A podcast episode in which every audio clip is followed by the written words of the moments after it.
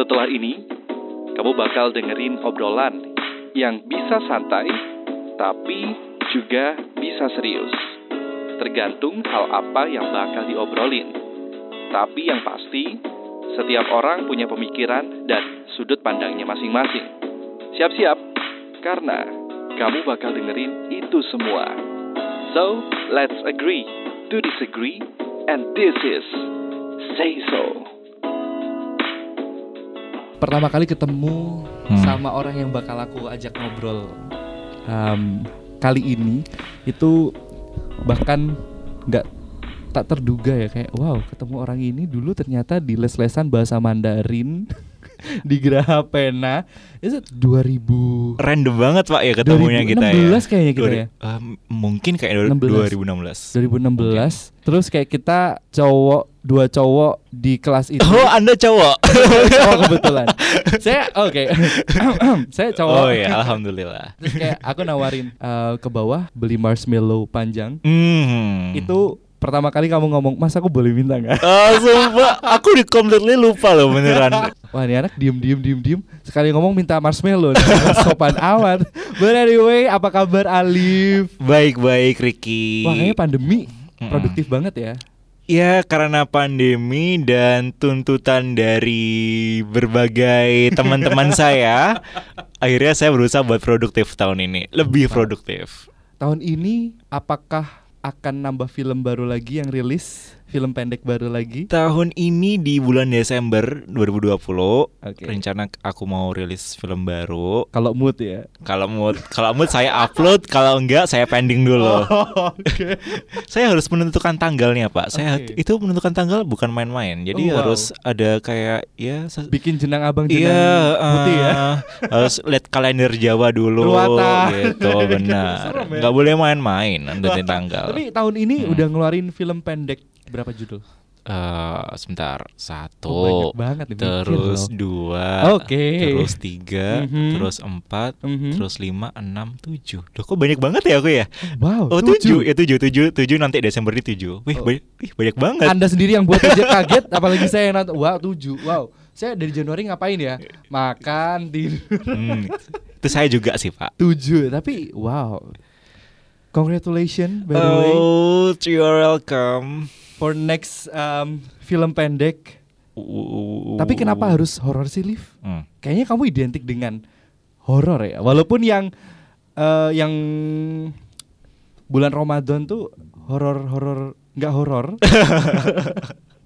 Tapi kayaknya itu twistnya horor ya. Ha, bisa dilanjutin ya. Bisa, bisa, bisa, bisa. Apa sih kenapa kenapa Alif harus identik dengan horor? Mm. Apakah emang kamu meng- membuat citra oh, film pendek yang dibuat Alif Mm-mm. horor? Jadi sebenarnya aku interest sama horor itu udah lama dari kecil banget kayak. Mhm. Dari Mhm. kecil dari aku TK SD tuh udah orang tua aku udah tahu kalau aku seneng horor. Oh wow. Eh, mohon maaf, ibunya ngidam apa waktu Gak tahu, saya juga bingung pak. Kenapa punya anak seperti saya ini? Bingung dari saya. kecil loh. Mohon maaf, saya nonton Barney. Jadi dari kecil tuh kayak TK SD tuh aku suka banget. Dan aku karena waktu itu nggak Mhm. mungkin ngajak temen juga kan buat nonton bareng horor gitu kan nggak mungkin. Masa Anak SD. kecil eh tapi serius, aku SD Ha-ha. nonton film poci-pocian Heeh, heeh. itu traumatik sih. Tahu gak sih yang Tau. Agus Ringgo? Oh pocong dua itu. Iya, aku suka oh, banget. ah, itu yang Iya. adegan di kamar mandi. benar, Wah, benar, aku benar, benar. berani ke kamar mandi Mm-mm. sendirian selama 2 tahun. Mohon, mohon maaf terus dua tahun anda ditemenin terus pak. Serius? Serius? Oh my god. Oke, lanjut.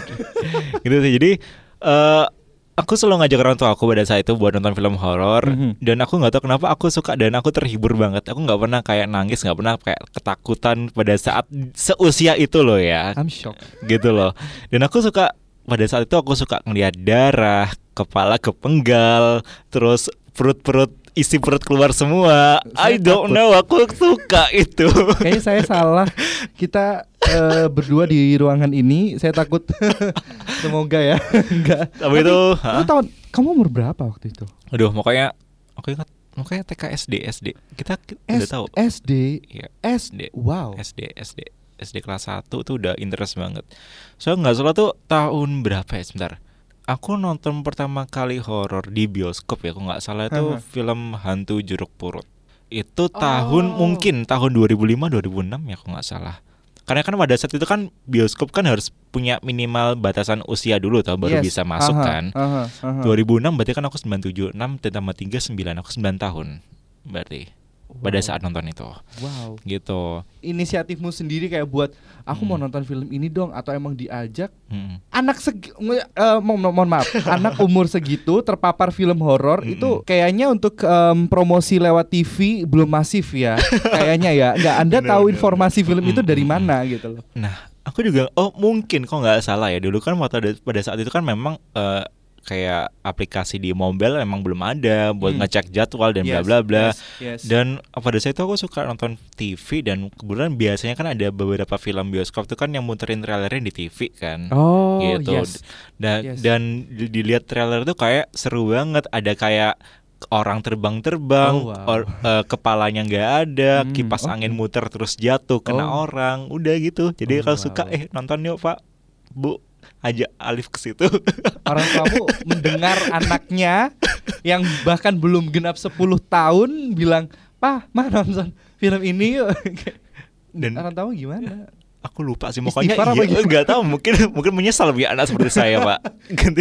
yang lain mungkin kayak eh, nonton apa ya film anak kecil kayak film bioskop anak kecil belum terlalu masif Belum ya terlalu masif juga pada saat itu. wow oh ya film film pertama hantu jeruk purut Kok nggak salah itu yang di bioskop?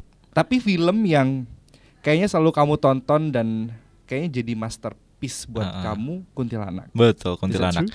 True. Kuntilanak tuh tahun 2006 juga, kok nggak salah. Mhm. Kok nggak salah dia 2006. Eh, kuntilanak yang Julie Estelle ya. Mungkin Oke. 2006, ya 2006.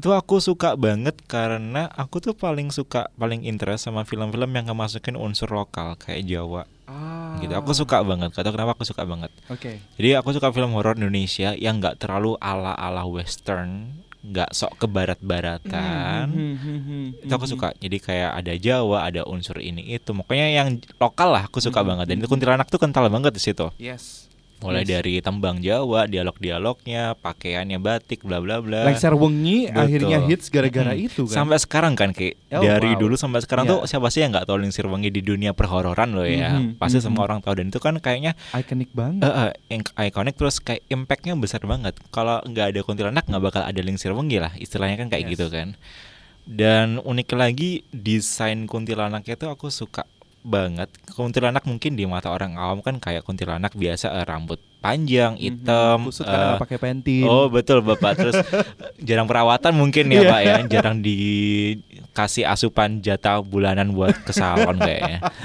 Terus mungkin pakaiannya kayak daster warna putih doang, panjangan gitu doang kan, kayak kayak low budget banget gitu Iya, loh pak, iya, iya. gitu loh. Eh, kuntilanak versi eh, nggak high definition. Betul betul. Nah untuk kuntilanak yang di film kuntilanak yang Julie Estelle Mhm. ini desainnya keren banget. Jadi kayak eh, bayangin eh, kuntilanak bentuknya kayak orang, Mhm. rambutnya panjang warna putih kusut hidungnya mancung terus kakinya kaki kuda keren Oh, kan wow. Kaki- kakinya kaki Iya, kuda iya, iya. terus kuku-kukunya kuku-kukunya tuh panjang banget ya makanya makanya kalau teman-temannya Ricky ini dengerin ini dan belum nonton film kuntilanak yang 2006 yang Julie Estelle itu kalian harus nonton dan wajib nonton itu sih Wow. Harus itu lihat. itu bisa dibilang eh, creature yang kamu Hmm, sampai sekarang suka banget. ya? betul sampai sekarang suka banget dan aku berharap pingin bikin kayak gitu juga tapi sayangnya pak saya nggak ada budget pak buat bikin kayak gitu ya Allah Tolong, tolong. Ini kode ya kode bagai buat pendengar-pendengar semua teman-temannya Ricky atau siapa pun yang butuh yang mau ber invest, invest. Nggak apa-apa. bisa bisa bisa Iklan. bisa gitu itu Tapi sih. gini, Hmm. ketika kita ngomong di sini horor, gimana Hmm. bentuk masing-masing hantu? Oh, hantu P, aku nggak mau nyebutnya ya, kayak aku geli. hantu P ini bentuknya kayak guling. Mm-mm. Oh, kuntilanak ini bentuknya kayak gini. Hmm. Dan um, ada apa ya? Ada ta- uh, ada resiko di mana ketika kamu make a new creature Mm-mm. with the old name Mm-mm. kayak yang kamu bilang tadi. Mm-mm. Kamu kamu ngelihatnya gimana sih? Apakah memang kita harus ngikutin sesuai dengan uh, I don't know, it's a based on Mm-mm. true image Mm-mm. or uh, apa ya? buatan juga. Gimana Hmm. menurut Alif? Apa kita emang harus ngikutin itu? Jadi kalau misal kalau mengaca dari aku sendiri Ki ya, kalau Hmm. ngebuat kayak bentukan desain hantu-hantu, kebetulan kan eh, hantunya di film-film aku kan eh, memang kebanyakan hantunya hantu lokal kan, nggak mhm. kayak ala-ala western banget yang pakai Mhm. jas, pakai apa enggak. Karena kan ada Pak kayak gitu biasanya. Kan ada ya yang kamu poci dibuka lah. Gitu Ternyata sih. jasan. Enggak ya. Enggak. Jadi tadi tergantung sama daya kreat- kreativitas kita sendiri sih, Mhm. imajinasi kita sendiri. Jadi Mhm. karena ini adalah film dan tujuannya kan untuk menghibur kan Ki, Yes. media gitu loh. Mhm. Jadi eh, terserah yang bikin aja lu mau bikin kreativitas kayak gimana bebas gitu. Mhm. Jadi semisal mau kamu bikin pocong biasanya po Mr. P. Iya. Tetep jangan jangan jangan Pak, jangan Mr. P Kak. Nanti Oh. ambigu kok Oh, Mr. P.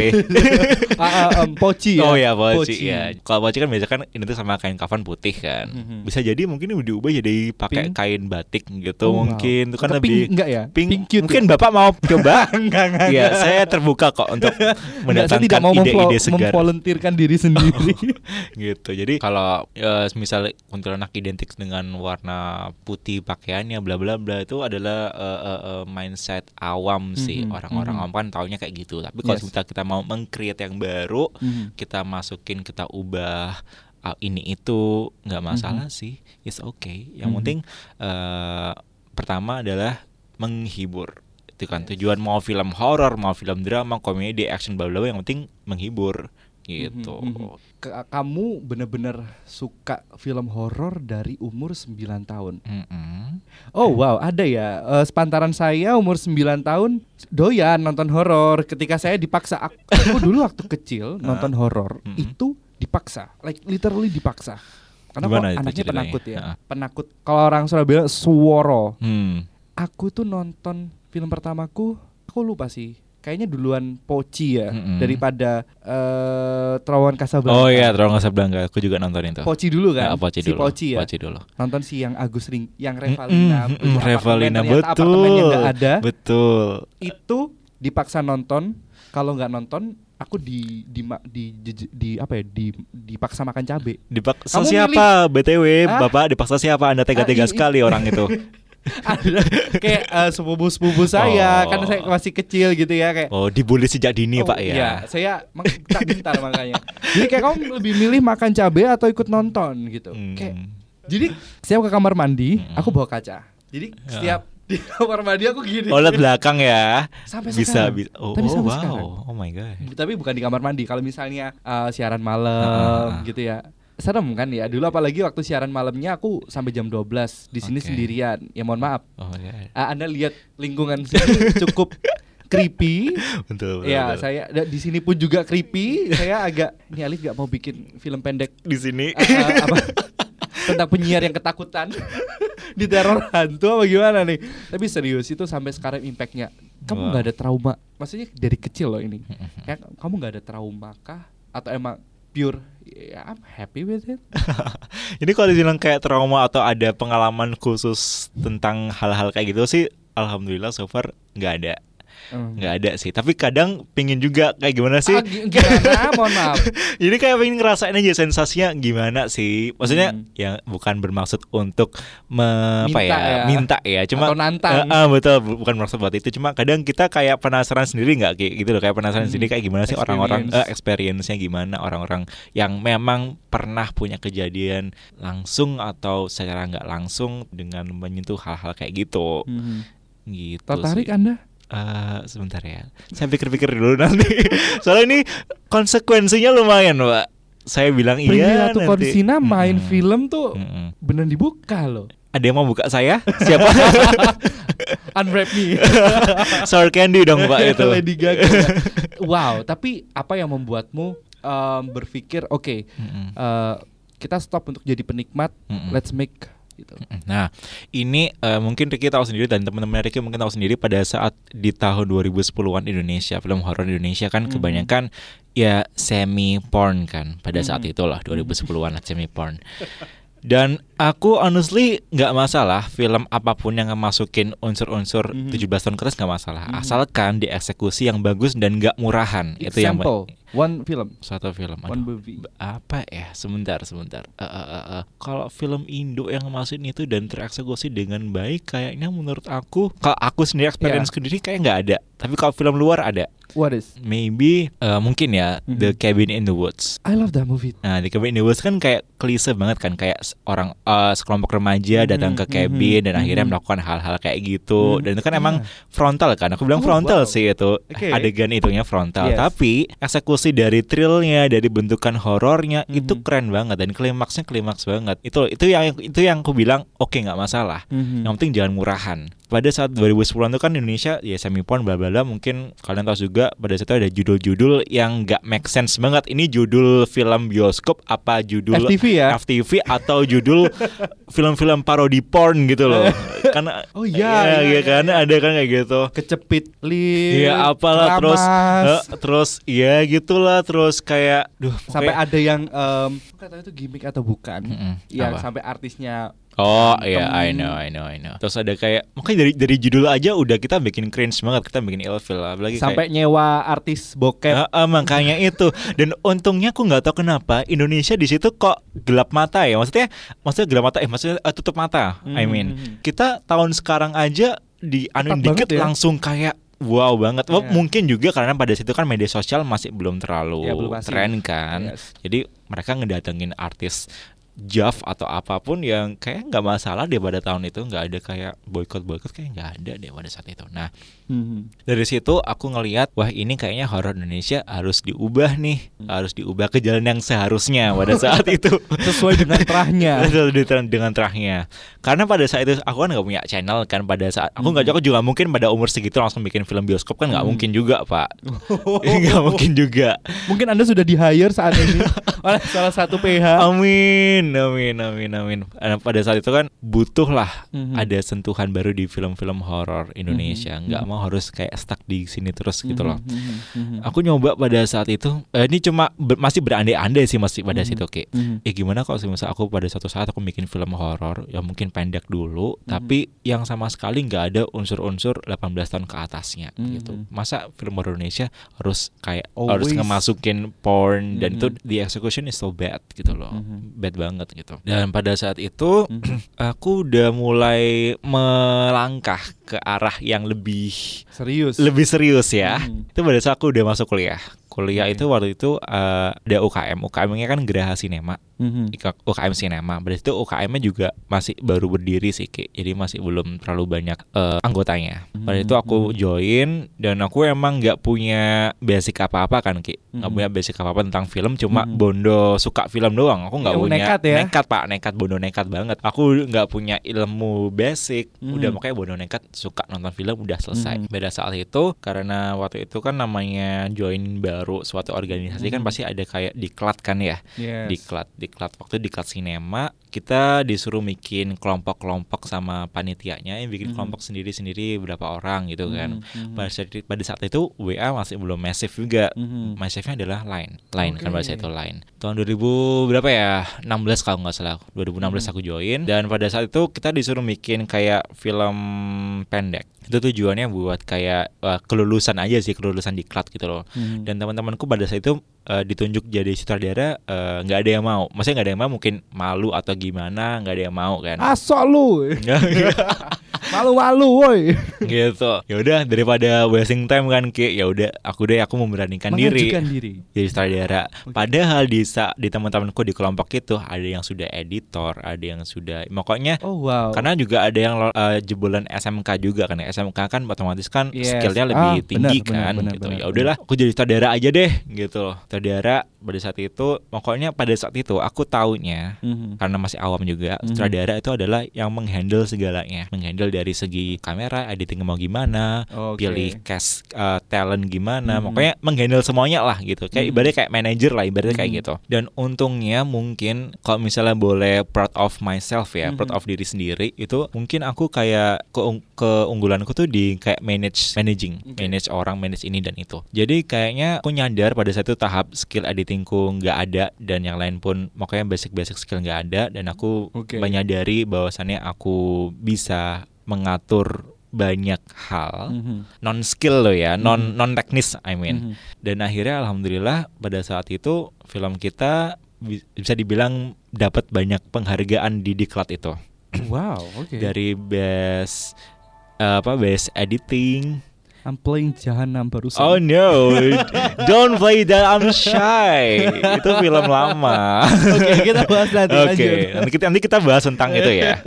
Jadi pada saat itu kita alhamdulillah menang eh, menang dapat penghargaan walaupun masih tahap diklat ya, tapi kan itu kan ada suatu appreciate buat kinerjanya kelompok kita. Mhm. Oke, bagus lah gitu.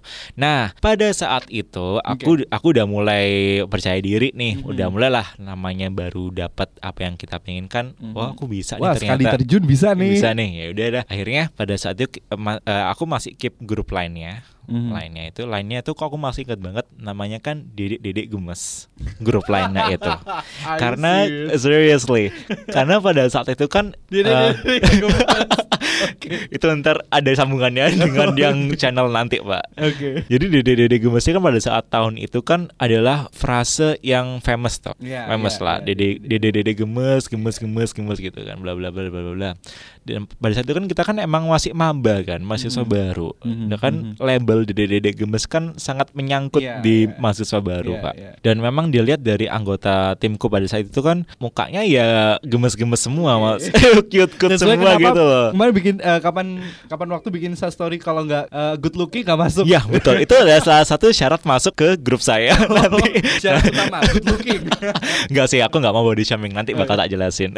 Good looking kan juga general ya Pak. Oh ya, Oke. ah, bisa saja pak ngelesnya gitu sih. Jadi pas itu sudah, eh Mhm. terus aku share nih di grup lain. Eh gimana kalau kita nerusin lagi? Pada saat itu ya namanya bisa dibilang seleksi alam kan. Ada Oke. yang keluar dengan Frekuensi dengan ya. sendirinya, ada yang alhamdulillah masih keep sama aku sampai sekarang. Mhm, mhm, mhm. Dari situ aku sama temanku yang masih setia sampai sekarang itu Mhm. akhirnya kita kayak angkul teman-teman yang sama-sama punya passion di bidang film, entah Mhm. itu dari kamera, entah itu dari eh, acting, Mhm. make up dan sebagainya. Jadi bisa dibilang semua timku. Jadi tim timku kan namanya kan DDG Product. Mhm. DDG Production itu adalah Dedek Dedek Gemes. Itu.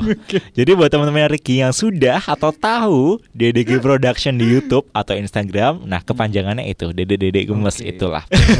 Oke. It's okay. Jadi kayak kontras banget ya. Iya. Namanya ini, karyanya kayak Iya, gini. Aku pikir DDG itu apa ada deadnya Kayak demon ya mungkin. gitu. Oh, Mm-mm, gemes. Iya kontras banget lah. Orang yang baru pertama kali tahu pasti shock aku yakin. Oh, iya, saya Banyak shock. shock, kayak gitu. Terus kayak you have a resource there. Heeh. Um, sampai akhirnya terbentuk DDG Production Mm-mm. dan uh, film pertama Oh not God. mistaken Music Box empat Yep. tahun yang lalu. Betul. How is it going? Jadi musik box itu literally me- itu adalah film yang kita kerjakan sebelum kita patenkan nama DDG Production. Oke. Jadi kenapa pada saat kamu lihat film musik box itu kalau nggak salah eh, belum ada nama DDG Production di situ Hmm. di filmnya. Mhm. Tapi pada saat film selanjutnya yaitu tepuk tangan setelah musik box itu Hmm. tepuk tangan kita baru baru me- mendeklarasikan Mhm. DDG Production mulai start di tepuk tangan itu. Tapi musik box ada di channel YouTube karena itu adalah kayak apa ya? Salah satu kayak history sih. Hmm. Historinya kita pertama kali bikin gitu. Di luar diklat loh ya. Mhm. Music Box. Musik box itu yang pertama. Apa sih yang akhirnya kamu oke, let's make short movie. Jadi musik box itu waktu itu Kesannya kan romantis harusnya ya iya Music sih, Box ya. harusnya seperti itu, Pak. Tapi Tapi waktu itu eh, aku iseng sih waktu itu eh, di lantai dua rumahku itu kan gudang kan. Pada saat, pada saat itu masih gudang. Hmm. Jadi waktu itu aku kayak bersih-bersih dan akhirnya aku nemu kotak musik. Kotak musik itu udah kotak musik zaman zaman eh, orang tua aku masih pengantin baru lah Oke. gitu. Bisa Jadi- di make sure nggak ada isinya pak. Biasanya kan serem ya. Kayak gitu-gitu kan. Kayak film horor kan biasanya gitu ya. Mm-mm. Ini pada saat aku buka ya masih lengkap sih. Jadi kayak ada kayak boneka pengantin gitu, bride, Males cewek banget, cowok.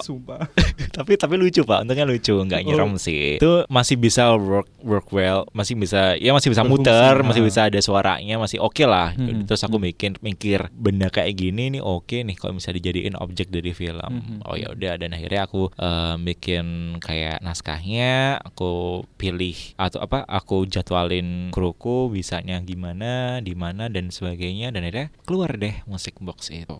Setahun tahun. dari itu tepuk tangan. Mm-mm. Apa yang membuatmu membutuhkan waktu setahun untuk Heeh. Mengeluarkan tepuk tangan? Mm-mm. Jadi bisa dibilang pada tahap ini itu dan pada sampai tahap sekarang nanti mungkin teman-teman juga bakal tahu bahwasannya semakin kita passion Mhm. semakin uh, kencang juga progres kita, Mhm. semakin produktif gitu loh, Ki. Mhm, mhm. Kenapa kita butuh waktu setahun buat ngeluarin film selanjutnya? Pada saat itu kita masih pertama masih coba-coba. Kita masih belum pede 100%. Mhm. Bahwasannya kita eh, worth it nggak sih kalau semisal bikin sebuah film jangan-jangan film kita nggak ada yang ditonton, nggak ada yang mengapresiasi Mhm. gitu. Pada saat itu Music Box alhamdulillah ditawarin screening atau ditayangin di Wow. waktu itu aku masih ingat di Marvel City, Marvel Mall sini Hmm. itu ada event Halloween dan kebetulan Music Box Mhm. masuk di situ. Itu adalah eh, salah satu alasan kita bertahan sampai sekarang sih. Gitu. Jadi eh, apa ya? Kita ngerasa oh bahwasannya karya kita alhamdulillah ada yang minat nih. Mhm. Nah, oleh karena itu karena sudah ada energi positif kan ibaratnya kan Mhm. gitu kan. Akhirnya kita bikin film lagi pada satu tepuk tangan.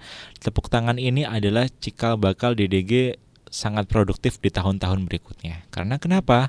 Tepuk tangan ini adalah film DDG yang paling banyak dilihat sih kayak di YouTube. Satu setengah juta Betul. loh. Wow. Wow. Jadi mungkin mungkin satu setengah juta mungkin bagi beberapa orang di tahun sekarang mungkin apa sih dikit mungkin loh ya. Tapi buat aku dan teman-teman DDG sendiri 1,5 juta ditonton itu sudah angka yang fantastis karena kenapa? Karena kita kan channelnya masih channelnya channel masih mikro banget kan. Mhm. nggak banyak orang yang tahu dengan equipment pada saat bikin film itu juga seadanya Mhm. dan kita memang minim budget banget Mhm. Terus akhirnya dapat apresiasi Dompet se- anak betul anak-anak dompet kuliah anak gitu. kuliahan kecuali punya simpenan lah nggak apa-apa ya dompet Hmm. tebel gitu. investor pribadi. Eh, eh, siapa kayak itu yang mau boleh kontak Alif nanti ya gitu sih pada saat itu eh, kita literally shock shock itu adalah eh masa karya kita kayak gini ditonton banyak orang gitu loh maksudnya kayak Hmm. gini tuh adalah kita nggak expect gitu loh Mhm, mhm, mhm. kita nggak expect sampai sejuta lebih gitu Mhm. karena kan sejuta lebih ini bisa dibilang angka yang apa ya sebagian orang itu eh, susah ngedapetinnya apalagi Mhm. di channel yang masih mini masih Yes. mini dan kita bukan golongan artis atau influencer atau selebgram Mhm, sebagainya mhm. itu kan angka yang Mhm. wow banget Eh, dari situ juga se- selain angka YouTube Mhm. viewers YouTube alhamdulillah tepuk tangan juga diputar di bisa dibilang di seluruh Jawa pernah Oh, Jawa Timur, wow. Jawa Tengah, Jawa Barat, Jakarta, alhamdulillah pernah Mhm. tepuk tangan di situ. Dan waktu itu yang paling berkesan sih tepuk tangan diputer di Bandung. Di Bandung itu kita eh, satu event sama krunya film Pengabdi Setan. Oh, wow. Krunya film Pengabdi Setan. Jadi itu waktu itu event Halloween dan kita nggak submit, kita nggak minta buat Mhm. ditayangin, tapi Mhm. dari panitianya sendiri yang mengkontak DDG atau mengkontak kan kontak personnya aku kan, Ki Mhm. mengkontak DDG sendiri eh buat ngajuin film. Nah, Mhm. ini kan kayaknya istimewa banget gitu loh, Ki. Mhm, Kayak mhm, kita mhm. masih masih masih belajar, masih belum Mhm, apa-apa. mhm. Terus tahu-tahu ada yang nawarin gitu loh. Itu Mhm. kan ada suatu suatu apa ya? Jalan gitu loh, Ki. Iya. Kita nggak minta, kita nggak apa-apa, bla bla bla, kita- nggak effort pada saat itu dan Yes. akhirnya ditawarin gitu loh. Dan itu mungkin bukan eh, buat spirit apa ya? Buat teman-teman semua apa pun itu passion kamu, apa pun itu hobi kamu, yang penting kamu jalani dengan sepenuh hati, aku yakin eh ibaratnya dunia tuh bakal ke kamu.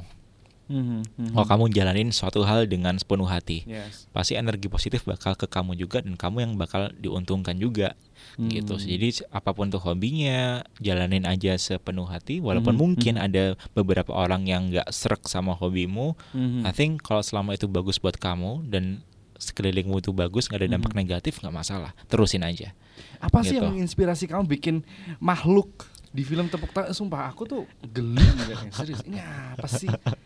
Kayak mana thumbnailnya gini lagi. Jadi pada saat itu tepuk tangan kan eh, aku itu bikinnya karena eh, eh, eh, dari lagu anak-anak kan. Jika kau suka hati tepuk tangan prak-prak-prak itu kan. Ki. Mhm, mhm. Terus aku mikir kan eh, lagu anak-anak dijadiin horor kayaknya keren nih. Ada kayak Hmm. suatu daya tarik tersendiri. Pada saat itu sudah pernah ada sih lagu Nina Bobo. Nina Bobo kan pernah Oh. difilmin dan film bioskop kan pada saat Mhm. itu. Terus Revalina juga. Revalina juga. Oke. Terus akhirnya oh oke nih kalau misalnya film eh, lagu tepuk tangan dijadiin bahan horor. Dari situ sih cikal bakalnya aku ngebikin tepuk tangan tuh dan untuk bentukan setannya kenapa kayak gitu, aku coba seunik mungkin. seunik mungkin. Jadi kan di setan di pada di film itu Mhm. eh, bajunya kan dress putih. Mhm. Dress putih elegan, Mhm. bukan kayak daster itu enggak. Mhm. Terus rambutnya itu berponi. Mhm. Terus poninya itu rambutnya pendek, pendek. Tolong pakai kita poni. ngomongin setan kenapa eh, langsung geluduk ya. keras banget, tolong. For your information aja di luar tadi kayak perasaan pada saat awal-awal belum ada pak petir-petir kayak iya tadi. ini sudah ada geluduk setan tadi. agak ah, Berarti gimana Anda punya diber- diber- diberkati podcast Hmm. kali ini. Anda punya cerita apa nih yang muncul rekaman podcast ada geluduk? ya itu kamu bikin dress putih biasanya kan kalau em, aduh ngomongnya nggak enak lagi. Apa, apa? Setan itu kan Ah. ya lusuh aja gitu kan. Ini Ah. ini bahkan nggak lusuh bahkan Enggak langsung. i- Bahkan ba- dress. banyak yang muji di kolom komentar nih bajunya bagus banget anjir setannya gitu, elegan banget beli di mana? Ada sumpah yang bikin komen kayak Bukan gitu. DTC tapi ya. Gua alhamdulillah bukan, sih Bukan. pak, lebih high class gitu. Terus eh, kayaknya pada saat itu doang kayaknya masih ada yang kurang nih, apalagi ya aku modif gitu. Yaudah aku bikin eh, mukanya ini aku balut pakai perban, jadi kayak mumi gitu, God. kayak mumi, mumi tapi Mukanya pakai doang. mukanya doang, mumi mukanya doang dan masih ada rambutnya Hmm. dan pakai dress warna putih. Itu kan unik kan?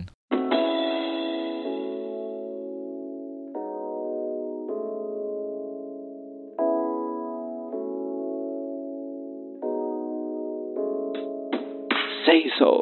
Selain dari segi cerita, film horor itu harus punya daya tarik sendiri yaitu daya tarik di desain hantunya, Pak.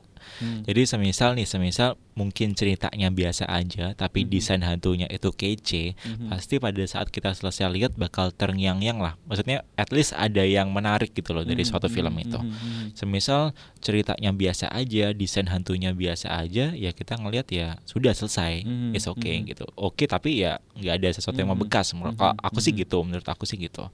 Jadi aku sebisa mungkin sih setiap film horor aku pengen desain hantunya, desain setannya itu seunik mungkin sih. Mhm, Seunik mungkin dengan memanfaatkan keterbatasan dana, keterbatasan eh, ngerancang busana dan sebagainya. mhm, mhm. Aku putar otak gimana caranya agak-agak unik gitu loh. Insidious setannya unik-unik sih. Unik-unik dan mereka tertolong Pak dengan budget dan sebagainya Pak. Saya Iya. juga pingin. Oh. Ayo yang mau invest bisa ke saya.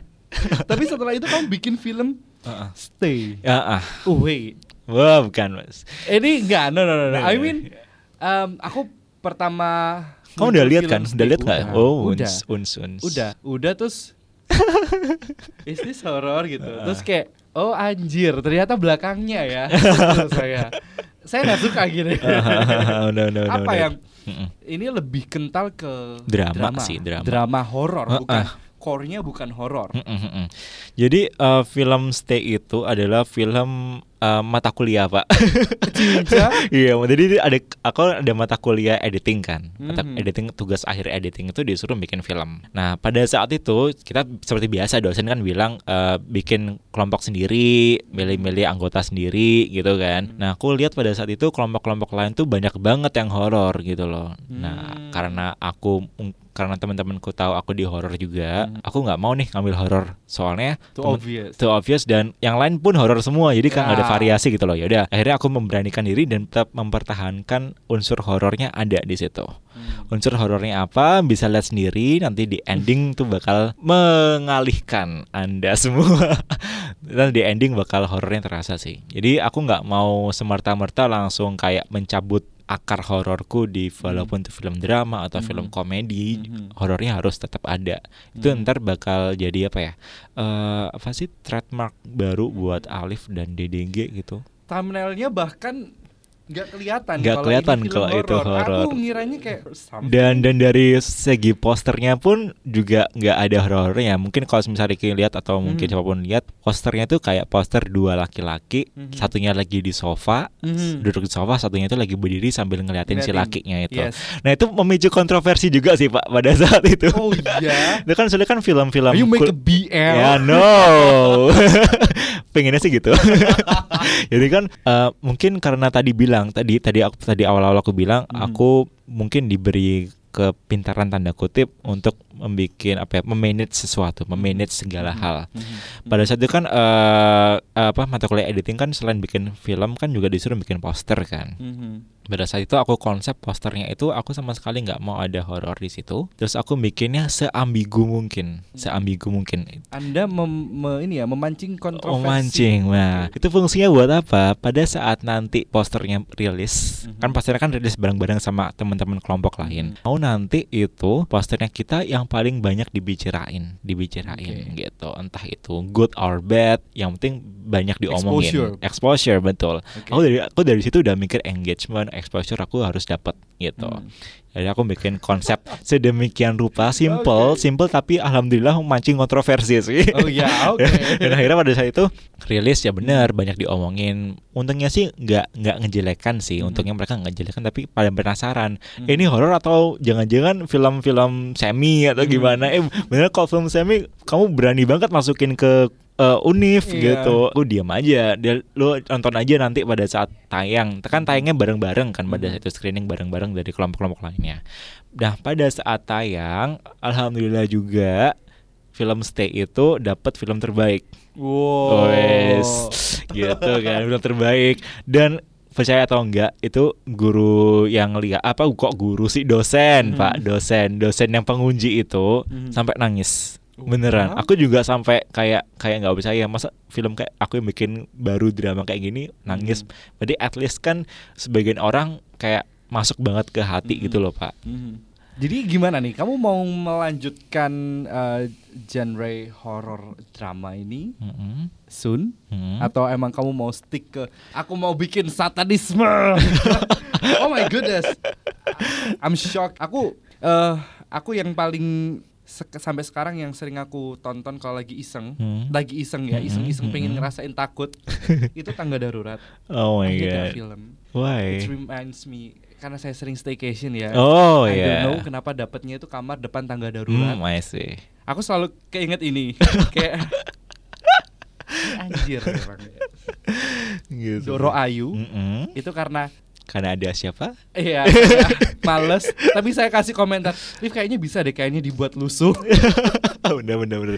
Jadi eh, jadi di Doro Ayu itu sendiri kan memang kan hantunya kan Poci kan. Poci berubah jadi Kunti kan Mhm. di Hondoro Ayu. Kenapa aku juga pengen sih kain kafannya itu lusuh. Tapi kenapa akhirnya bisa agak bersih karena oh agak bersih. agak bersih karena karena aku sungkan sama yang punya rumah pak itu kan rumahnya kan rumah temanku kan temanku Oh. dan kebetulan orang tuanya kan di situ Hmm. aku sungkan untuk membuat kotor walaupun nanti bakal aku bersihin Hmm. Tapi aku sungkan aja untuk bikin kotor gitu ya udah Hmm. untuk saat ini Hmm. kita dibuat agak bersih dulu lah is Hmm. oke lah yang penting eksekusinya orang tuanya nonton juga nonton juga gimana ya ampun ini anakku bikin apa Dan alhamdulillah orang tuanya sih fine fine aja ya rumahnya didatangin pocong gitu kan fine fine aja gitu. Untungnya gitu sih fine fine aja dan ya udah pada saat itu kita eh, pocongnya agak bersih dulu. Yang penting kita explore lainnya, Mhm. kita eksekusi Mhm. dari sisi lainnya eh, lebih bagus. Dan alhamdulillah Doro Ayu sendiri dari segi viewers juga 250 ribu lebih dan alhamdulillah juga diputar di berbagai festival film horor. ini sering ya film-filmmu masuk Nah, ya? dan aku sendiri, aku dan timku nggak eks selain dapat viewers gede, Mhm. film diputar di film festival dan reaction reaction dari youtuber juga banyak di film-film DDG. Padahal kita nggak mengajukan film DDG buat di reaction, tapi Hmm. mereka sendiri yang minta eh, izin untuk di reaction. Nah itu terakhir eh, itu sama si channelnya lain itu loh apa sih HAGZ loh HAGZ tuh aku Hmm. aku aku sebenarnya nggak nggak familiar sih sama channelnya HAGZ Hmm. tapi ternyata eh, HAG HAGZ tuh eh, fokusnya ke X horor ya? ya itu. Itu eh, fokusnya emang ke horor-horor gitu Mhm. dan alhamdulillah juga berkat dia berkat beliau juga itu exposure DDG juga tambah tinggi sih Mhm. karena kan subscriber DDG kan satu juta lebih kan Mhm. Nah, itu adalah hal yang aku appreciate banget dan aku Mhm. bersyukur banget. Kenapa? Karena eh, pemilik channel dengan subscriber segitu banyaknya itu kok Mhm. bisa mau mereaction dari channel DDG yang masih cimit-cimit gini loh, Pak. namanya Gitu gemes gitu kan. Jadi kenapa kenapa nggak reaction yang lebih oke? Maksudnya lebih oke lah dalam apa ya? Setara Skala. iya skala lah, skala subscriber juga gede. Kenapa nggak Mhm. itu aja? Kenapa ada DG gitu loh? Mhm, Itu mhm. adalah apa ya? Aku kayak wow segitunya ya. Dan akhirnya aku kayak ibaratnya kayak oh aku nggak salah nih aku terjun ke dunia ini Mhm. gitu loh. Jadi buat teman-teman juga yang memang tadi punya hobi jalaninlah sepenuh hati hobimu itu apa pun tuh hobinya selama itu positif ya udah aku yakin nanti suatu saat bakal ada orang-orang yang bakal up kamu lebih jauh lagi ngedukung kamu juga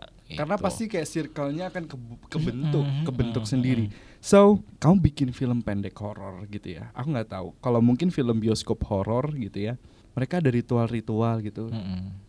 You do that too? Mm, aku cuma paling sama teman-temanku cuma sebelum syuting itu berdoa aja sih Oh, wow. Berdoa. Anda mengundang poci yang isi lepetnya adalah kunti dengan oh, wow. Oh, Kamu pernah khawatir nggak? Maksudnya kayak itu kan juga jadi salah satu apa ya? I don't know. Kita menyebut namanya aja kan Mm-mm. udah satu iya satu trigger creatures untuk- yang paling keramat lah ya Iya. Heeh. Apalagi membu- membuat tiruannya gitu betul kan. betul Kamu ada perasaan wah Mm-mm. kayak keselamatan kan Mm-mm, utama ya.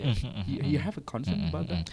Eh, untuk keselamatan ya tadi dengan cara kita sebelum syuting kita berdoa dulu. Mhm. berdoa dengan eh, menurut kepercayaan masing-masing. Intinya adalah kita bikin ini adalah murni buat hiburan semata. Mhm. untuk menghibur aja sama sekali nggak ada berniatan untuk menjelekkan pihak mana pun. Mhm. aku selalu bilang kayak gitu sama teman-temanku pada saat doa. Kita kan doa kan misal yang muslim kan kita kan doa al-fatihah dan sebagainya. Mhm, kan juga ada doa yang bahasa Indonesia kan. Mhm, intinya aku mhm. sampaikan itu kita nggak ada niat yang jelek. Kita di sini Mhm. untuk berkarya kita untuk menghibur orang sama sekali nggak ada niatan jelek untuk ya menjelek-jelekan pihak Mhm. apa pun pihak dunia Mhm. kita maupun dunia yang lain gitu Mhm. sama sekali nggak ada mhm. itu eh, itu cuma salah satu tamengku di situ sih tamengnya di DG di doa sebelum syuting itu dan kontrasnya adalah yang meranin hantu itu adalah pernah kesurupan bolak-balik Oh wow. Hah, itu Tak- kan udah kalau kata orang wah arek iki wis ono gemboke.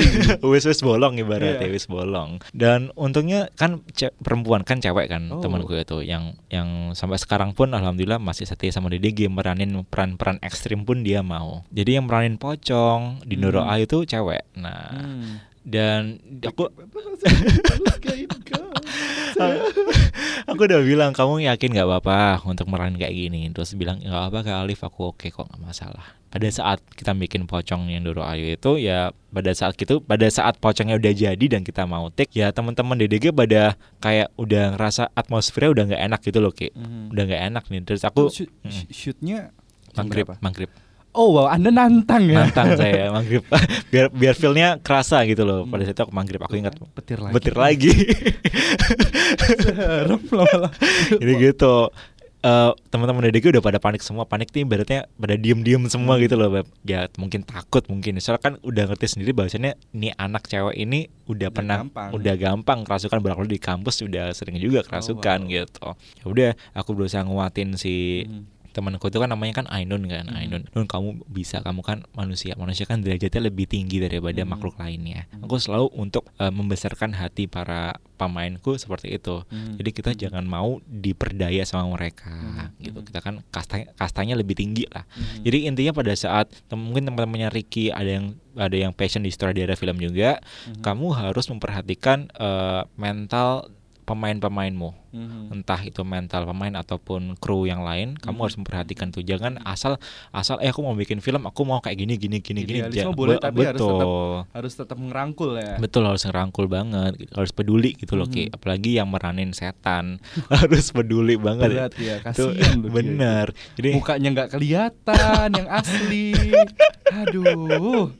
gitu jadi ya harus diperhatiin sih muka Wow. itu It's something good ketika kamu punya um, kemampuan untuk memanage resource yang Mm-mm. punya keahlian teknis yang dominan adalah mereka individualismenya tinggi. If I'm not mistaken.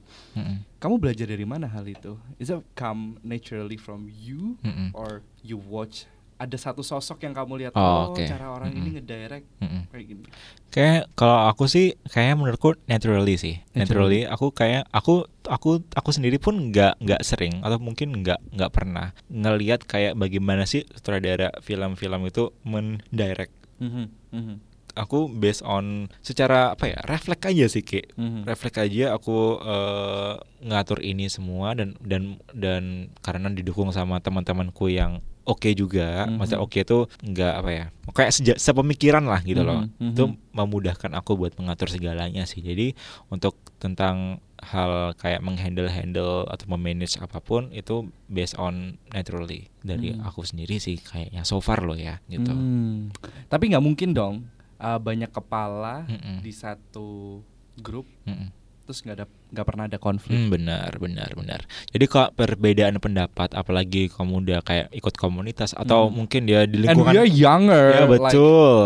young Di- entah itu di komunitas atau di lingkungan kerja, Hmm. kan kepalanya banyak banget nih Ki. Yes, pasti yes. perbedaan pendapat itu pasti ada. Mhm, Nah, mhm. aku selalu pasti ada lah di film DG itu pasti ada perbedaan pendapat. Nah, tapi caranya gimana kita menghandlenya perbedaan pendapat itu. Jadi pada saat berbeda pendapat dengan timku, Mhm. aku bilang itu bagus. Itu bagus pendapatmu Mhm. bagus. Mhm. Nah, kenapa sih aku pengen kayak gini? Karena ini ini ini. Mhm. Jadi, pada saat kita menolak pendapat dari orang lain, kita Mhm. sampaikan juga alasannya kita uh, kekeh dengan pendapat Mhm. kita apa. Jadi jadi jangan mentah-mentah kita nolak doang Oke. gitu. Jadi ini buat semuanya sih, Mhm. entah itu di film atau di mana pun General itu, lah ya. general general. Mhm. Kalau misalnya kamu dapat pendapat dari orang lain Mhm. dan itu mungkin nggak sejalan sama kamu, Mhm.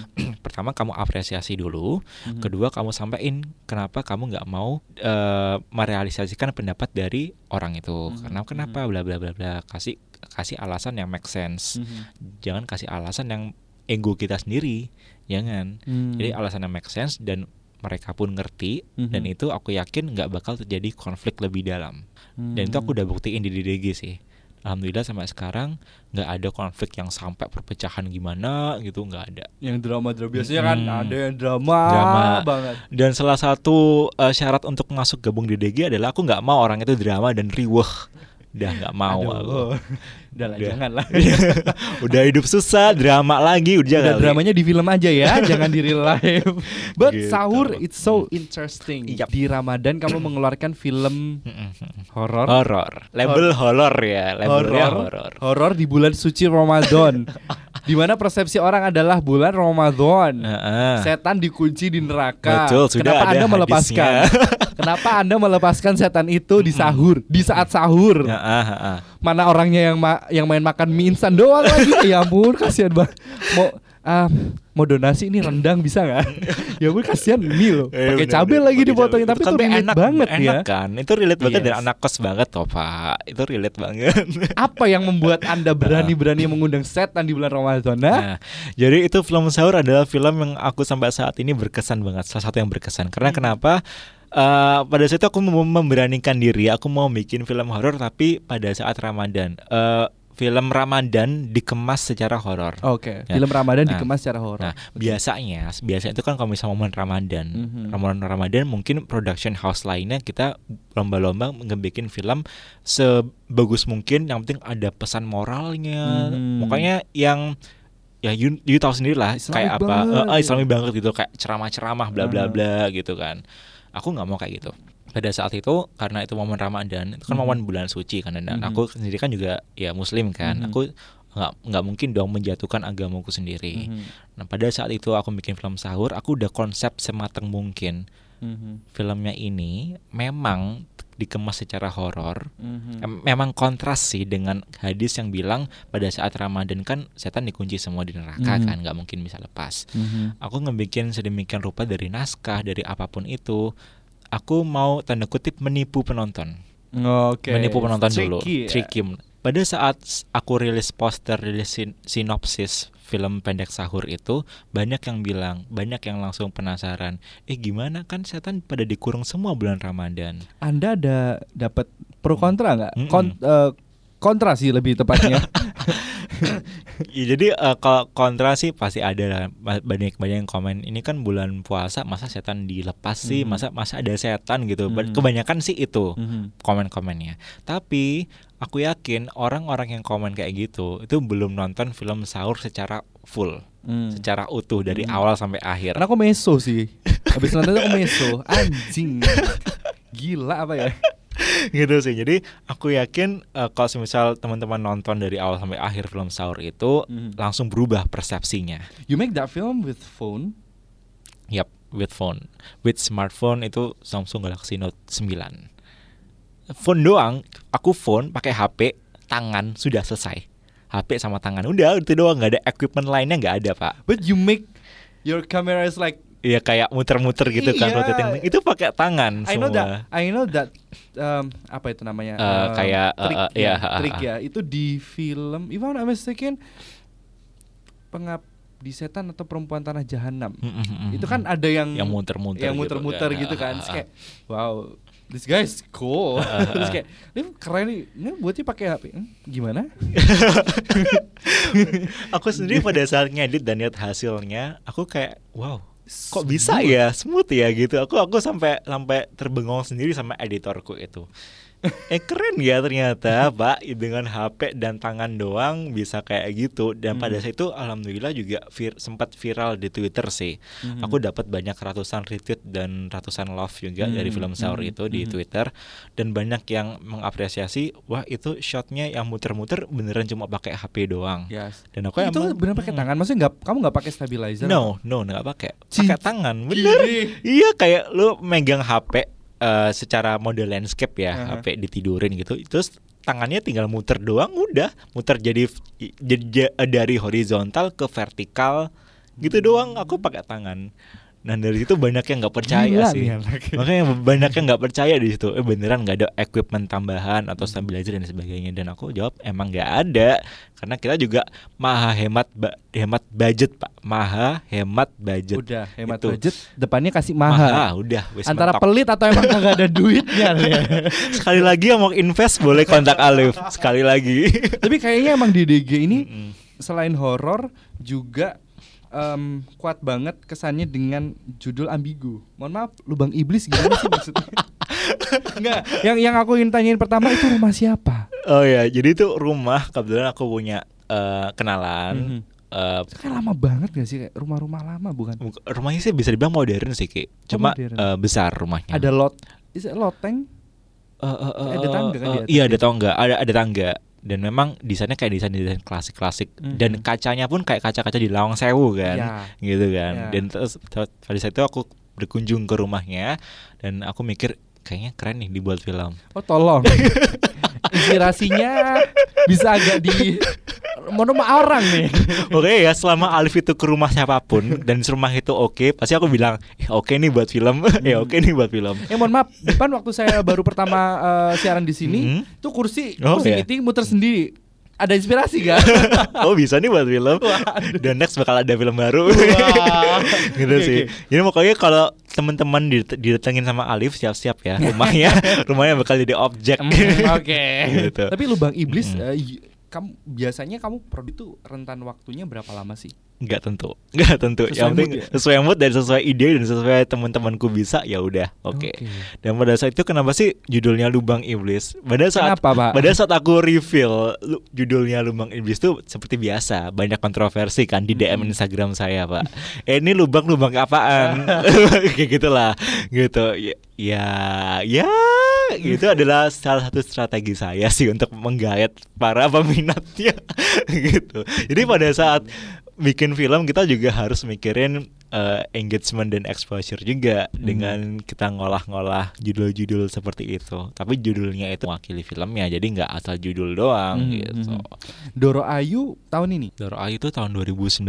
19 ya, Lubang berarti Iblis yang tahun ini. Berarti Lubang Iblis, yes, Lubang Iblis Sampai exactly. yang terakhir dua bulan yang lalu tidak bisa bangun. Nah, ah. Film tidak bisa bangunnya juga ambigu juga pak. Pada saat aku reveal judul tidak bisa bangun itu di DM Hmm. Instagram pada pada bilang ngechat aku. Hmm.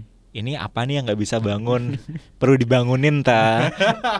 aku gak tahu kenapa tiap aku bikin judul selalu responin seperti itu. Itu apa yang salah? Saya yang salah atau orang yang salah atau gimana? Saya juga bingung. gitu. Termasuk judul yang em, bakal rilis bulan ini ya. Mm-mm. Kalau mood ya, Kak mood. Tapi insya Allah mood sih. semoga Semoga setan, setan memberkati. memberkati. Apa yang Yes. diberkati oleh setan? Perbuatan apa yang setan berkati, Alif? Nah, biasanya mungkin kan itu kan adalah salah satu frase mungkin sama teman-teman yang Mhm. Nasrani kan, yang Kristen lah, teman-teman yang Kristen biasanya kan semoga Tuhan memberkati kan. Aku di sini nggak bermaksud menjadikan siapa pun ya. Nah, aku di sini adalah cari POV lainnya. POV Mhm. lainnya Mhm. yaitu dari POV si setan, ya kan. Tuhan kan lawan-lawannya adalah setan kan pasti Mhm. kan. Mhm. Jadi aku mikir coba sih kalau misal kita ganti subjeknya jadi setan, Mhm. POV-nya bakal kayak gimana. Mhm. Mhm. Dan untungnya pada saat itu eh, strategi strategiku buat ngambil exposure, ngambil attention dari para followerku juga Mhm. oke. Maksudnya dari dari judulnya pun bikin penasaran kan. Maksudnya bukan apa ya? Bukan judul, bukan bukan Bukan film clickbait ya. Mm-mm, clickbait. Bukan film yang dari judul sudah ketahuan alur ceritanya. Mhm. Kan ada tuh dari judul doang Mhm. ketahuan nih alur Mhm. ceritanya kayak gimana. Mhm. Tapi kalau menurut aku di semoga setan memberkati ini kayaknya mungkin Mhm. ba- sedikit yang bakal nebak bak kayak gimana ntar Hmm. bakal selesainya Mhm. gitu sih Ini kamu proses pembuatannya Mm-mm. bulan? bulan-bulan bulan November Eh, kita syutingnya November terus tahap editing ya sampai sekarang ya Wow. gitu sih Ditunggu ya ini di YouTube-nya Di DDG YouTube. Production. Insya Allah DDD Gemes Production. By the way, what's Mm-mm. next di 2021? Are you make um, short movie Mm-mm. horror pandemic? tahun 2021 sebenarnya aku udah ada film sudah udah udah selesai syuting Oh wow, Sudah oh, selesai produktif ya. makanya tadi aku udah bilang Prod- "Eh-eh." Oh wow. Jadi tadi seperti yang aku udah bilang di awal-awal tadi, karena kita sudah ibaratnya sudah pede Mhm. dan apa pun itu, Mhm. maksudnya apa pun itu kamu di bidang mana pun, kalau misalnya udah pede, yakin deh nanti bakal secara sendirinya bakal produktif dan produktif juga Mhm. dan bakal ya bakal produktif dan produktif lagi gitu. Aku udah nyiapin film di tahun 2021 sudah ada tinggal edit doang. Jadi kalau Mhm. misal semoga setan memberkati udah rilis, aku tinggal ngedit film yang 2021 Mhm. tinggal rilis dalam waktu yang dekat. Gitu Hmm. sih. Last question, what you expect from Semoga setan memberkati. Eh, aku expectnya aku eh, eh, eh, eh, semoga pertama ya semoga terhibur entah Mhm. itu terhibur karena seru karena serem Atau karena trauma nontonnya. Saya tra- jujur ya aku tuh trauma tiap nonton, tapi No. nggak tahu balik lagi ya. kayak non, eh Liv, dulu dulu malah sempet kayak Liv kamu nggak mau gak buat film lagi Liv? Nggak buat film lagi sih? Nah, itu juga adalah salah satu eh, apa ya alasan kita tetap tanda kutip hidup sampai sekarang. Di DG tetap hidup Hmm. dari teman-teman, dari Hmm. entah itu teman kenal atau enggak, Hmm. dari stranger yang Hmm. bilang nge DM DG, kapan nih bikin film lagi? Hmm. Kapan nih Hmm. ada ada yang It komen feels like an energy. Iya betul ada energi tersendiri pada saat kita dinanti-nanti gitu loh Ki. Mhm. Karya apa pun itu entah film atau apa pun. Mhm. Jadi pada saat pada saat sudah banyak support ya udah kita bikin dan aku expectnya ya tadi bakal terhibur dapat sesuai ekspektasi Mhm. ya itu itu aja sih dulu karena setiap kita bikin suatu karya aku sendiri dan teman-temanku sendiri aku nggak mau kita terlalu berekspektasi yang penting Mhm. kita ngelakuin ini karena senang Mhm. hobi have fun Mhm. udah itu, itu aja semisal nanti kita dapat menang festival lolos festival dapat atau dapat reaction atau review Mhm. yang bagus itu adalah suatu bonus Mhm. aku selalu bilang sama teman-temanku kayak gitu Mhm. jadi karena karena karena kenapa kayak gitu? Karena pada kita pada saat kita ekspektasi tinggi, tapi ekspektasi itu nggak sesuai dengan yang diharapkan, Yes. itu kan bakal sakit banget kan, kayak Yeah. bakal down banget. Just nothing to lose. Betul. Pada saat kita down, nanti banyak itu akan menuju semangat kita berkurang. Mhm. Bakal Mhm. bahkan nanti bisa nggak produktif lagi. Ya. Makanya setiap aku bikin karya, aku selalu mewanti-wanti temanku bahwasannya ini adalah kita project have fun, senang-senang doang, hobi.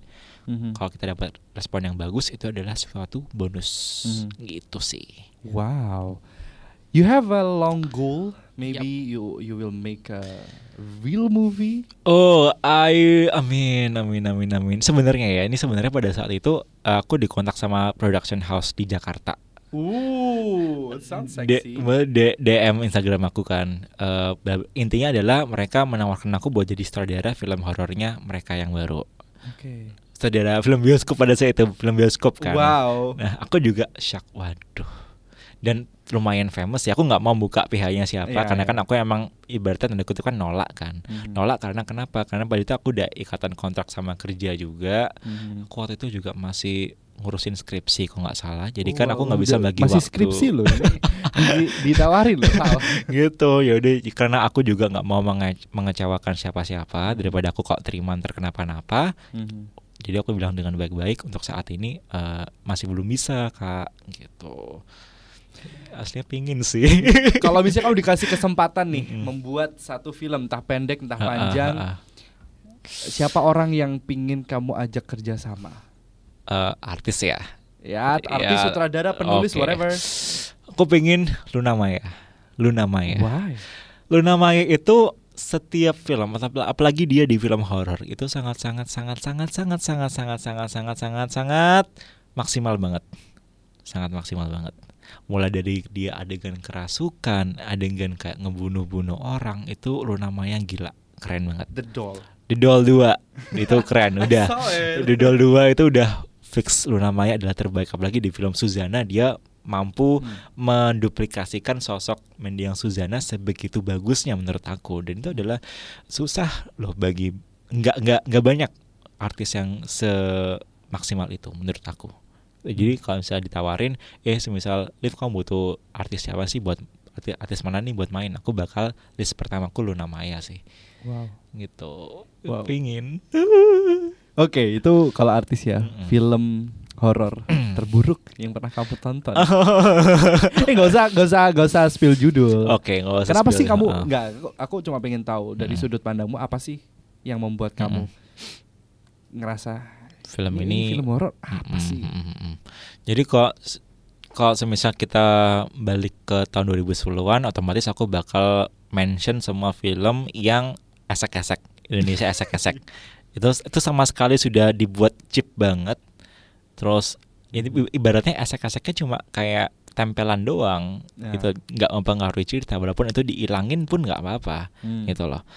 Tapi se- setelah film kita film horor Indonesia makin ke sini kan makin bisa dibilang udah menanggalkan Hmm. unsur-unsur kayak gitu kan Ki. Tapi film horor itu walaupun nggak ada unsur 18 tahun ke atasnya, Mhm. tapi masih bisa dilabelin film bisa dibilang tanda kutip jelek lah. Mhm. Ta- Jelek di sini bisa dibilang kayak pertama kayak eksekusi jawabannya. Jawaban dari Hmm. konfliknya itu. Mhm. Kan setiap film kan ada konflik nih. Mhm. Konflik kan ada penyelesaian Mhm. Ada nih film baru-baru sih film dan ini filmnya cukup famous karena sudah berpart-part film Oke, nanti Indonesia off the record ya. Gitu. spill. Aku expect film ini bakal bagus karena sut- sutradaranya ini yang handle film sebelumnya ini hasilnya bagus banget. Mhm. Aku sampai terkesima dengan hasilnya. Mhm. Pada saat film yang baru tersebut muncul, rilis, aku kan aspekku otomatis kan tinggi kan, Ki. Mhm. Karena film se- sebelumnya kan oke.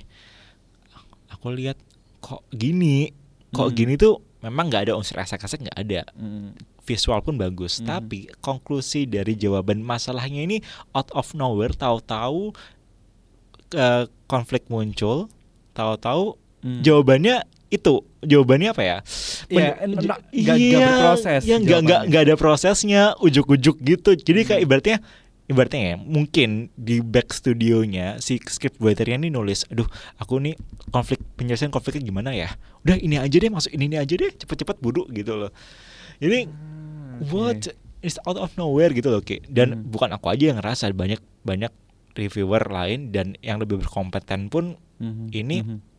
konklusinya awkward banget dan out of nowhere banget. Jadi menurut aku film-film sekarang memang ada unsur rasa-kasak tapi kadang yang bikin down itu adalah jawaban dari konfliknya sih Hmm. gitu. Itu Gitu sih sih. yang paling yang paling Bikin Megang down. kuncinya Ah, ah. sebenarnya Soalnya ya. menurut aku film apa pun itu powernya ada di klimaksnya Ki. Semisal nih open- semua sih klimaks semua. itu Aduh. powernya di situ. Klimaks apa pak? Klimaks apa? Dia oh cerita, ya. Kalau semisal openingnya bagus, Mhm. middle tengah-tengahnya bagus, tapi Mhm. klimaksnya, oh itu doang. Mhm. Itu kita setelah, setelah selesai nonton bakal kayak nggak ada apa-apa gitu loh, Ki. Mhm, mhm. kayak hambar gitu loh. Mhm. Jadi menurut aku lebih better kalau awal sampai tengah itu mungkin biasa-biasa aja, tapi Mhm. di klimaks tuh dihajar habis-habisan. Iya. Itu kita pada saat, saat setelah selesai nonton itu kita bakal Keinget. keinget itu dan itu aku berusaha buat mengaplikasikan di DDG Hmm. aku di DDG gimana caranya pada saat udah menyentuh klimaks aku pengen jor-joran Mhm. jor-joran entah itu performa entah itu musik dan sebagainya aku pengen setiap klimaks itu jor-joran Mhm. dan aku berusaha semaksimal mungkin di DDG aku pengen klimaksnya selalu seperti itu Kamu ingin disebut sebagai siapa sih, Liv? Pecinta Mm-mm. film, Mm-mm. pembuat film, Ah. atau just um, creator short movie? Mm-mm. aku mungkin di pandangan orang-orang saat ini ya mungkin i- Alif identik sama horor identik sama DDG Mhm. sutradara film. Walaupun mungkin orang-orang bakal bilang aku kreator film, sutradara film. Mhm, Cuma mhm. kalau dari aku sendiri aku pengen dilihat sebagai eh, penikmat film, pecinta film aja yang menyalurkan hobinya. Itu doang. Mhm. Karena kenapa? Karena kalau aku disebut sutradara film, aku masih belum nih, masih belum belum belum oke dan Mhm. untuk mendapatkan label sutradara film. Mhm. Lebih oke bahwasannya Alif itu adalah penikmat film, pecinta film yang menyalurkan hobinya. Udah gitu. Aku lebih Hmm. pengen disebut kayak gitu. Karena tadi aku masih aku masih masih masih belajar Mhm. gitu. Masih masih belum lah menyentuh di ranah skill sutradara aslinya gitu. You want uh, to be in this industry for a long time Yap, and serious. Jadi eh, sebenarnya kok sutradara film sih aku di, pertama ya balik lagi karena hobi kan. Mhm. hobi. Jadi bisa dibilang ya side job lah, side Mhm. job. Jadi untuk eh, kerjaan utama aku ada sendiri, Mhm. aku ngejar itu juga Mhm. untuk kayak unsur have fun, tapi have fun yang membuahkan hasil Mhm. Mhm. itu ya sutradara film tetap Mhm. tetap jalan Mhm. gitu. Jadi untuk apa ya? Kalau bisa, bisa dibilang film ini adalah eh, bisa dibilang tenaga utamaku, enggak juga. Mhm. Mhm. Jadi bisa dibilang ya tadi hobi yang diseriuskan, yang dijalani dengan sepenuh hati. and you have concern in there. Yes. Wow, thank you Alif udah sharing Wow. tentang um, berbagai macam hal-hal yang saya tidak suka diiringi dengan petir di Surabaya yang akhir. Surabaya hari ini gloomy Anda Betul. ada kepikiran aduh Mm-mm. ini Surabaya Apa? gelap bikin Kenapa? setan apa ya dari nggak ada ya. Pengennya sih gitu sih, tapi karena kita adalah batasan-batasan kita stuck di ide Hmm, dan hmm. itu adalah hal yang wajar, hal yang normal. Eh btw sebelum nanti ini selesai, Hmm, hmm, hmm. kan tadi saya belum promosi pak Instagramnya. iya, Instagramnya silakan. apa pak ini Instagramnya? Oke, channel YouTube, Instagram, Oke. let's share. Nah buat teman-teman yang Ricky yang dengerin ini dan Mm-mm. pengen tahu kayak kepo-kepo DDG itu apa sih, Alif Mm. tuh gimana sih, bisa mungkin follow Instagramnya DDG di Mhm. @ddg production film atau mungkin mau in depth sama aku juga bisa di @alif_abimanyu. Twitter pun juga sama Mhm. @alif_abimanyu juga tapi di Twitter DDG nggak ada. Mhm. Kalau di channel YouTube langsung aja ke ketik di search YouTube DDG Production. Mhm. Ntar bakal muncul. Kalau misalnya mau belajar-belajar, mau gabung, boleh. Boleh. Langsung DM. DM sekaligus foto. Alif, ini aku gitu. Udah Bisa. langsung tuh jawabannya cepet kalau begitu. Ah, tahu aja Bapak ini. Thank you Alif dan You are sukses. welcome. Sukses buat teman-teman DDG. Salam ya buat Amin. mereka. Ini Amin. Bakal projectnya kayaknya bakal banyak ya. Amin. Amin. Amin. Amin. Amin. amin. Thank you udah um, stay ngobrol bareng. Sehat Yap. terus buat Alif sama teman-teman ya. Juga sehat-sehat juga. Thank you. You are welcome.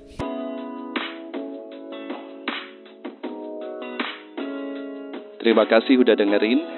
Aku, Ricky Sano. Dan sampai ketemu di Say So episode selanjutnya.